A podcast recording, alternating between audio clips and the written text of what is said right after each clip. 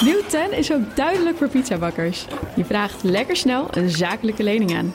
Net zo snel als dat ik mijn pizza's bezorg. Duidelijk voor ondernemers. Nieuw 10. Je doelen dichterbij. Een initiatief van ABN AMRO. BNR Bouwmeesters wordt mede mogelijk gemaakt door Bouwend Nederland. De bouw maakt het. BNR Nieuwsradio. Zet je aan.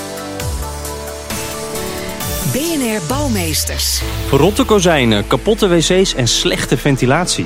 Jan Posma. Het is slecht gesteld met veel schoolgebouwen in Nederland en dit heeft directe invloed op de prestaties van de leerlingen. Daar valt nog wel een lesje te leren dus. Welkom bij BNR Bouwmeesters voor bedenkers, bouwers en bewoners. En vandaag ook een beetje extra voor uh, scholieren en leraren. Te gast Remco Swaap, technisch directeur bij bouwbedrijf Huurdeman. Uh, veel met scholen ook uh, bezig. Ja. Sibo Arbeek, partner ICS-adviseurs en ook hoofdredacteur van Schooldomein, wat ook op dit onderwerp ja. doorgaat. En Geert Looischelder, directeur van Stip Openbaar Basisonderwijs. In Hilversum zit dat.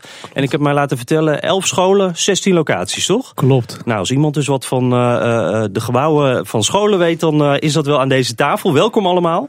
Um, Laten we het eerst even persoonlijk maken. Mijn oude basisschool was best verouderd. Dat is ook al een tijdje geleden, moet ik zeggen. Maar toen was het al wat verouderd. Tochten, oud sanitair. Beetje duf, maar ik moet ook wel zeggen heel gezellig ook wel. Um, ja, hoe zag uw basisschool eruit, meneer Zwaap? Ja, ook uh, wat ouder en uh, muffer. En uh, een deel van de scholen zijn al niet meer waar ik op gezeten heb. En, maar ook een deel van de scholen hebben wij wel gerenoveerd, zelfs in het verleden al. Ja, ja dus u hebt ook aan uw eigen scholen gewerkt? Dat, ja, ik heb wel een aantal scholen zelf gewerkt waar ik ook zelf gezeten heb. Dat is Kijk, wel heel grappig. Ook dat is wel weer bijzonder, ja. Dat, ja, zelfs al de docenten nog tegengekomen. Dat is ook wel raar. Kijk, meneer Arbeek, hoe zit het met uw oude basisschool? Is ja, die er nog? Die is gesloopt inmiddels. Dat was de Prinses Beatrix school in Almelo. En ik heb daar hele goede herinneringen aan. Alhoewel de Sunters wel heel koud kon zijn met sterren op de ramen. Oh. En wat ik me vooral herinner was de directeur met, uh, bok, uh, met boksniks aan en een hele pijp voor de klas, heel streng. maar dus op de... zich een gangerschool traditioneel. En uh, ja, dat was toen die tijd, want je kennis vergaarde je in de klas. Ja, en u zat met een dikke trui dus, uh, zwinters. Absoluut. Maar ja, dat uh, was niet altijd slecht voor binnenklimaat. Want dan leerde je buiten ook een trui aan te doen als het koud was. dat, is, dat komt er nu van pas natuurlijk. Meneer Looischelder, hoe zit het met uw school? Ja, een barak in het zuiden van het land. Jan Lichthart school. ik herinner me vooral de geur van de school. Als je nu nog wel eens in de school komt, dan, uh, dan herken je dat. En dan ja. denk je, ben je ineens weer die kleine vijf jaar of zes jaar die weer uh, bij de wc'tjes staat. Ja, en, ja, ja, is vooral met die oude schoolgebouwen. Hè? Ja, dat herken je meteen. Ja, dat ruik je meteen. Dat, heeft u dat ook met uw nieuwe schoolgebouwen? Zit daar nog eentje tussen die zo hoop, ruikt? Ik hoop zo min mogelijk. laten we duidelijk zijn. Maar het, het, komt wel eens voor. Ja, helaas. Ja, de, nieuwe, nieuwe geur, daar gaan we voor. de, de Celicia school in Amersfoort, laten we daar eens naar kijken. Dat is namelijk wel een typisch voorbeeld. de uitbouw werd volgens de laatste eisen mooi en duurzaam gerealiseerd. Maar het oorspronkelijke gebouw, dat staat er ook nog. En dat is oud en muf en kan niet worden gerenoveerd. Nou, vlak voordat de bel ging, kreeg verslaggever Elfanie Toulaar een rondleiding van beleidsmedewerker huisvesting Tera Verdam. We komen in het nieuwe gedeelte van de school, boven. En overal hangen papiertjes CITO, want hier gaat het zo beginnen. De leerlingen die de CITO-toets moeten maken, de groep 8, die worden natuurlijk in het nieuwe deel gestopt. Precies. We zitten in een nieuwe gedeelte. En dit stuk hebben we twee jaar geleden gebouwd.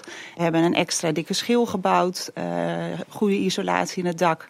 Uh, en dat uh, heeft als voordeel dat hier het hier in de zomer koeler blijft. En in de winter dat de energie niet gelijk het dak en de gevel uitvliegt.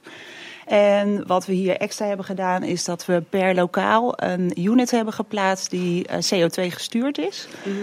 En dat betekent dat als het CO2-gehalte in de klas uh, te hoog oploopt, dat dan de unit aangaat en dat dan uh, het lucht of dat het klimaat verbeterd wordt. Oh ja, mag ik eens zien? Het zijn deze units die daar aan het plafond hangen. Ja? En die, oh ja, gewoon een soort airco. het ziet eruit als een airco inderdaad, maar het is geen airco, het is geen koeling, het is CO2-gestuurde klimaatinstallatie. Ja. Lopen we een klein trapje af? Ja, uh, we komen nu in het originele gedeelte eigenlijk van de school. Ja. Dit uh, deel is uit de jaren 50, 60. Uh, nou ja, eigenlijk traditioneel lokale met een gang daarnaast. Hier is ook geen ruimte bijvoorbeeld om in groepjes op de gang te werken. En dat zag je net in die nieuwbouw, zag je dat heel goed. Hè? Ja, er was een soort leestafel in het midden. Ja, een soort onderwijsplein waar je echt met groepjes zou kunnen zitten. hier is ook geen klimaatinstallatie. Deze lokale moeten het dus echt doen met met, uh, met het ramen openzetten. En hoe maak je nou je keuze? De, de oudste groepen mogen in het nieuwe deel? Daar, daar heeft de school een bepaalde keuze in gemaakt. Uh, in dit geval zijn het oudste groepen, omdat dat praktisch is. Ja. En in de toekomst misschien ooit wordt dit deel ook onder handen genomen? Uh, ik hoop het, want uh, je kunt je ook voorstellen dat als je nog enkel glas hebt en een slechte isolatie van het dak, dat je ook voor de straat uh, stookt in feite. En, en, op een gegeven moment voldoe je als gebouw natuurlijk niet meer aan de nieuwste eisen. Nee, maar daar wordt niet naar gekeken, want het staat er al. Oh. dus er wordt niet gecontroleerd van, goh, dit lokaal is uh, veel te muf of uh, te veel leerlingen op een oppervlakte? Nee, nee dat wordt niet uh, gecontroleerd. Ja, meneer Looischelder, dan hoor ik hier een, een voorbeeld met een heel mooi nieuw gebouw en een oud gebouw. Ja. En dan zegt hij mevrouw, er wordt niet gecontroleerd op bestaande gebouwen. Hoe, hoe zit dat? Nou, er wordt niet gecontroleerd. Vanzelfsprekend hou je zelf als schoolbestuur en als directeur in de gaten hoe de staat van de scholen is. Maar het is niet zo dat de scholen vanwege de vernieuwing in het onderwijs of vanwege de nieuwe eisen meer geld krijgen om alles op te knappen. Dat is niet zo. Wij hebben zes monumentale panden uit de jaren 20, jaren 30 door de architect Dudok neergezet. Prachtig mooie gebouwen. een kenmerk in een, in een wijk, in een stad. Maar niet meer, voldoen niet meer aan de eisen van deze tijd. Ja, dat is een extra handicap, denk ik. Als het een monument is, dan kan je helemaal niet zoveel. Ja, dat is een heel groot handicap. we hebben één school met een rieten dak. Uh, dat gaat volgend jaar vernieuwd worden. Uh, ik heb tegen de gemeente gezegd uh, van nou, zeg maar hoe we dat gaan financieren. Maar uit de normale budgetten lukt dat niet. zal ik er bouwplaten op leggen om het lekvrij te houden? Nou ja, ja. Uiteindelijk gaat de gemeente heel zo meewerken en gaan wij kijken naar subsidies, naar potten, naar andere mm -hmm. manieren van financiering. Ja. Maar duurloopgebouwen en oude gebouwen, ja, die hebben natuurlijk ook, zijn ook energieslurpers. Wat mevrouw net zei in het stukje van de Cecilia school. Mm -hmm. Ja, dit, dat, dat is voor ons een droom. Dus uh, ja, herkenbaar uh, in ieder geval. Um, ja, hier zitten dan, uh, meneer Swaap, de problemen ook vooral in het slechte binnenklimaat wat wordt genoemd. Is dat, is dat het grootste probleem bij oude scholen? Nou, het is niet alleen het klimaat. Dus de, de ervaring in een gebouw is niet alleen de installatie, maar ook hoe, hoe de isolatieschil zit, hoe het licht is, hoe het geluid is. Het is een totaal verhaal wat heel veel invloed heeft op, op de gezondheid van kinderen die daar zitten. En uh, onder andere ook is het hygiënisch, is het goed schoon te maken, kunnen ze, kan je goed onderhoud uh, verrichten. Dat zijn ook hele belangrijke aspecten om een goede school gebouwd mm -hmm. te hebben. Dus het is echt heel breed wat er in de schoolgebouwen eigenlijk niet meer up-to-date is. Ja, het, is niet, het wordt wel eens gedacht van nou we doen er een klimaatinstallatie in per lokaal en we zijn klaar. Ja, dat is niet voldoende. Als je de frisse scholennorm op na gaat sluiten, dan is dat heel goed doordacht opgezet. Dan zie je ook van hoe, hoeveel licht daglichten moet zijn, hoe mm -hmm. kozijnen moeten zijn, de hoogte, de akoestiek de materiaalafwerkingen die er zijn voor het goed te kunnen schoonmaken, dat hoort allemaal erbij. Ja, en nou ziet u natuurlijk heel veel praktijkvoorbeelden. Wat is nou het meest schrijnende voorbeeld wat u heeft gezien? Uh, ik heb uh, wel eens een school gezien waarbij uh, de kozijnen zodanig verrot zijn dat je er eigenlijk met je vinger door de andere kant heen kan duwen. En waarbij vieze drap van plafonds naar beneden ging. Oh. Dus dat, is, dat, is wel heel, dat vond ik heel ernstig. Tijd voor nieuwbouw. Ja, ja tijd ja, voor nieuwbouw. Dat, dat was ook de bedoeling, maar dat, ja, er was dan wel nog geen plek. Dus ja, dan blijft het toch maar even wat langer zitten. Mm, ja. Dat was me, uh, ja, dat vond ik heel erg. Ja, meneer Arbeek, dat, daar komt uh, u, wat u noemde van, van vroeger uh, de dikke de trui aan, komt dan wel heel dichtbij. Hè? Hoe komt dat nou dat die scholen zoveel achterstallig onderhoud hebben? Nou, misschien belangrijker nog is, is onderwijsvernieuwing. Onderwijs verandert natuurlijk. En zeker binnen het prima onderwijs heb je heel veel ontwikkelingen. Denk aan brede scholen en nu integrale kerncentra. Wat wij nu zien, ik spreek namens ook, ook namens Platform Onderwijshuisvesting, is dat gemeenten veel breder moeten kijken dan alleen het gebouw. Maar mm -hmm. gewoon kijken naar de wijk of de stad of het dorp. Om gezamenlijk te komen tot een soort huisvestingsplan. En dan ga je eerst uit vanuit de inhoud. Uh, hoe ga je de inhoud spreiden? Hoe ga je samenwerken? Uh, samenwerken in wijken wordt steeds belangrijker. Niet alleen onderwijs, maar ook welzijn, zorg, sport. En dan ga je kijken wat voor vorm erbij moet. En dan zie je inderdaad dat de voorraad enorm is. 8500 schoolgebouwen. Gemiddelde leeftijd 55 jaar. En dan moet je kijken hoe je vanuit die inhoud inderdaad die gebouwen aan gaat pakken. Maar je kunt ze niet allemaal vervangen. Je moet een aantal slopen, vervangen mm -hmm. en deels vernieuwbouwen, renoveren of nieuwbouwen. Maar ik kan me voorstellen dat inventariseren, dat, dat gebeurt toch constant. Hoe komt het dan toch dat er niets uh, gebeurt of te weinig gebeurt? Uh, dat heeft te maken met het feit dat uh, uh, vanaf 2013 groot onderhoud is gedecentraliseerd naar schoolbesturen. Dat zat voorheen bij gemeenten. Dat betekent dat gemeenten nu zeggen, scholen jullie zijn zelf verantwoordelijk voor groot onderhoud en eigenlijk ook wel een beetje voor renovatie. En schoolbesturen, scholen zeggen van, uh, ja maar wacht eens even, dat is eigenlijk toch zo'n 70% van nieuwbouwwaarde gemeente. Hm. Daar moeten jullie over de brug komen. Ja, ja. En dan zie je nu eigenlijk door die door de realisatie van dat grote onderhoud, wat toch vrij fundamenteel is, dat, dat renovatiedeel, en we zouden eigenlijk veel meer gebouw moeten renoveren. Uh, qua binnenklimaat, dat een beetje tussen wal en schip dreigt te raken. Meneer Looischelde, ik zie u heel hard knikken. U heeft hier natuurlijk dagelijks mee te maken. Ja, helaas wel. Uh, wij hebben zo'n 5 à 6 ton per jaar te besteden aan binnen- en buitenonderhoud. Daar komen we eigenlijk structureel 2 ton tekort. Gewoon heel duidelijk uh, is dat. en dan moet je ergens vandaan halen. Mm -hmm. Of je moet keuzes maken in, in je onderhoud van je gebouw of in de energiebeheersing. en ik verwacht in de komende jaren ook met gemeentes heel veel discussie over wat is nou renovatie. Dat zal het punt worden. Het is wel duidelijk wat nieuwbouw hebben we. We hebben onderhoud. Uh, maar renovatie staat in de nieuwe wet nog, nog wat onduidelijk. Uh, ja, het is gewoon je... een twistpunt. Ja, dat is een twistpunt. En ik, ik verwacht dat daar wel uh, wat casussen gaan komen over wat is nou een renovatie en wat niet. Want wat kunnen we nou doen om dit te doorbreken? Want nu blijft het de gemeente tegenover de scholen. Hoe, hoe, hoe krijg je hier toch een oplossing voor? Nou, ik merk in onze gemeente Hilsum merk ik dat de gemeente al, alles probeert om ook mee te werken. Laat dat duidelijk zijn. -hmm. Die proberen fondsen aan te werven. Die proberen te helpen bij subsidie verstrekken en en uh, binnenhalen, uh, die denken mee. Maar ook zij hebben uh, beperkte middelen. Ja, en dus ik denk dat vanuit geld. de overheid gewoon duidelijk moet zijn dat er per leerling meer geld gaat voor het onderhoud. Dan kun je een aantal punten voorkomen. Eerdere spreker zei over een, slecht schoolgebouw is niet goed voor de gezondheid van een leerling. Ook mm. niet goed voor de presentatie. Present, nee. twee punten verschil ongeveer op een schaal van 10. Okay. Voor slecht is, onderzoek van TNO heeft dat bewezen. En uh, dat is natuurlijk schijnend. Dat als je in een slecht schoolgebouw zit, dat eigenlijk je scores eronder lijden. Daar gaan we het zo nog even verder over. Maar eerst. Eerst naar de reclame en dan ook de vraag: uh, de leerling van nu heeft een ander gebouw nodig dan die van 30 jaar geleden. Hoe ga je dat nou regelen? BNR Nieuwsradio. Zet je aan. BNR Bouwmeesters. Ja, veel scholen hebben een grote onderhoudsachterstand en er mag ook wel wat gemoderniseerd worden voor de moderne leerling. Hierover praat ik verder met mijn gasten. Remco Swaap, technisch directeur bij bouwbedrijf Huurdeman. Sibo Ar Arbeek, partner bij ICS Adviseurs en hoofddirecteur van Schooldomein. En Geert Looischelder, directeur van STIP Openbaar Basisonderwijs in Hilversum. Verschillende scholen uh, onder zich. Um, er werd net een balletje opgeworpen en laten we daar eens eventjes verder mee aan de slag gaan. meneer Swaap, een goed binnenklimaat... Uh, heeft uh, wel degelijk ook gevolgen voor de prestaties van de leerlingen. En we hoorden net al, wat zei u nou, 10 à 20 procent? Ja, dat, uh, bij taal- en rekenonderwijs blijkt uit verschillende onderzoeken dat het, dat, het echt significant ja? verschil maakt. Maar dat zegt meneer Looischelder, dus u sluit zich daarbij aan? Ja, er zijn diverse onderzoeken waarbij 20 procent leerverbetering is op rekenvaardigheden, 12 op, procent verbetering op taal. Uh, ook de ziektepercentage uitval gaat, uh, gaat een stuk naar beneden. Dus het is, uh, zijn ook minder mensen ziek. Dus het is wel een heel erg belangrijk onderdeel voor het onderwijs. Ook dat je, je kan beter onderwijs geven. De kinderen blijven langer, of blijven gezond. Mm -hmm. minder ziekte.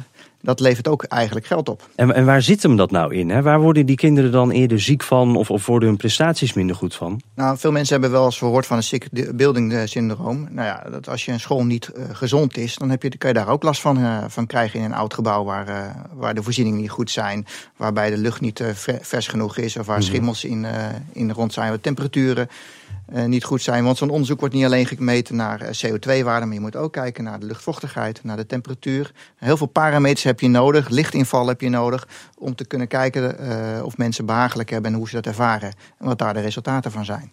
Nou, uh, voldeed uh, mijn oude school ook niet aan al die richtlijnen. En eigenlijk van iedereen hier aan tafel uh, kan je, je afvragen. tot hier gebracht. Hè? Ja, dat ja. wou ik maar zeggen. Dus ja. valt ook eigenlijk wel een beetje mee misschien. Maar, maar meneer Arbeek, hoe, hoe, hoe, ja, valt het ook niet eigenlijk een beetje mee? Die kinderen gaan toch ook wel lekker naar buiten te spelen. En die gaan dan weer naar binnen. En... Nou, ik was ook voor schooldomein bij een uh, school die eigenlijk volledig qua binnenklimaat ingericht was. En daar klaagde de directie dat uh, de temperatuur buiten en binnen gelijk waren. En kinderen uh, eigenlijk te weinig wenden aan uh, klimaatwisselingen buiten. Maar misschien nog even aanvullend op net ja. de, over, over, de prestatie van leerlingen. Datzelfde geldt ook voor de kwaliteit van het onderwijs. Gepersonaliseerd leren. Dus elke, leer, elke leerling een eigen, elk kind een eigen leertraject. En dan dus er komen heel veel basisscholen waarbij je eigenlijk een hele mooie combinatie ziet van traditionele instructieruimte, vroeger lokale, waar je even een tijdje een instructie krijgt, en dan uitwaaieren uh, op leerpleinen, leerstraten. En, en daar in verschillende groepjes of ja. individueel aan het werk gaan. Ik denk dat dat net zozeer bepalend is voor de leerprestatie dan Uh, en, en dus uh, de, het klimaat van het gebouw. Heel interessant dat u dat zegt, want we kunnen eventjes terug naar de Cecilia School. Um, even kijken hoe de leraren en leerlingen daar het contrast uh, ervaren tussen de oudbouw en de nieuwbouw. En uw omschrijving komt daar ook voorbij. Meester Wouter, zit hier klaar om de CITO-toets af te nemen? Zo is dat, gaat vandaag weer gebeuren, dag 2. Hoeveel leerlingen schrijven hier straks aan? Twintig. En hoe is het anders om in dit lokaal les te geven dan in het oude gebouw? Uh, nou, wat prettig is, is dat we een systeem hebben dat op het moment dat je de ramen dicht hebt, dat, het toch, dat de lucht toch goed geventileerd wordt. Merk je echt verschil? Ja, het blijft langer fris.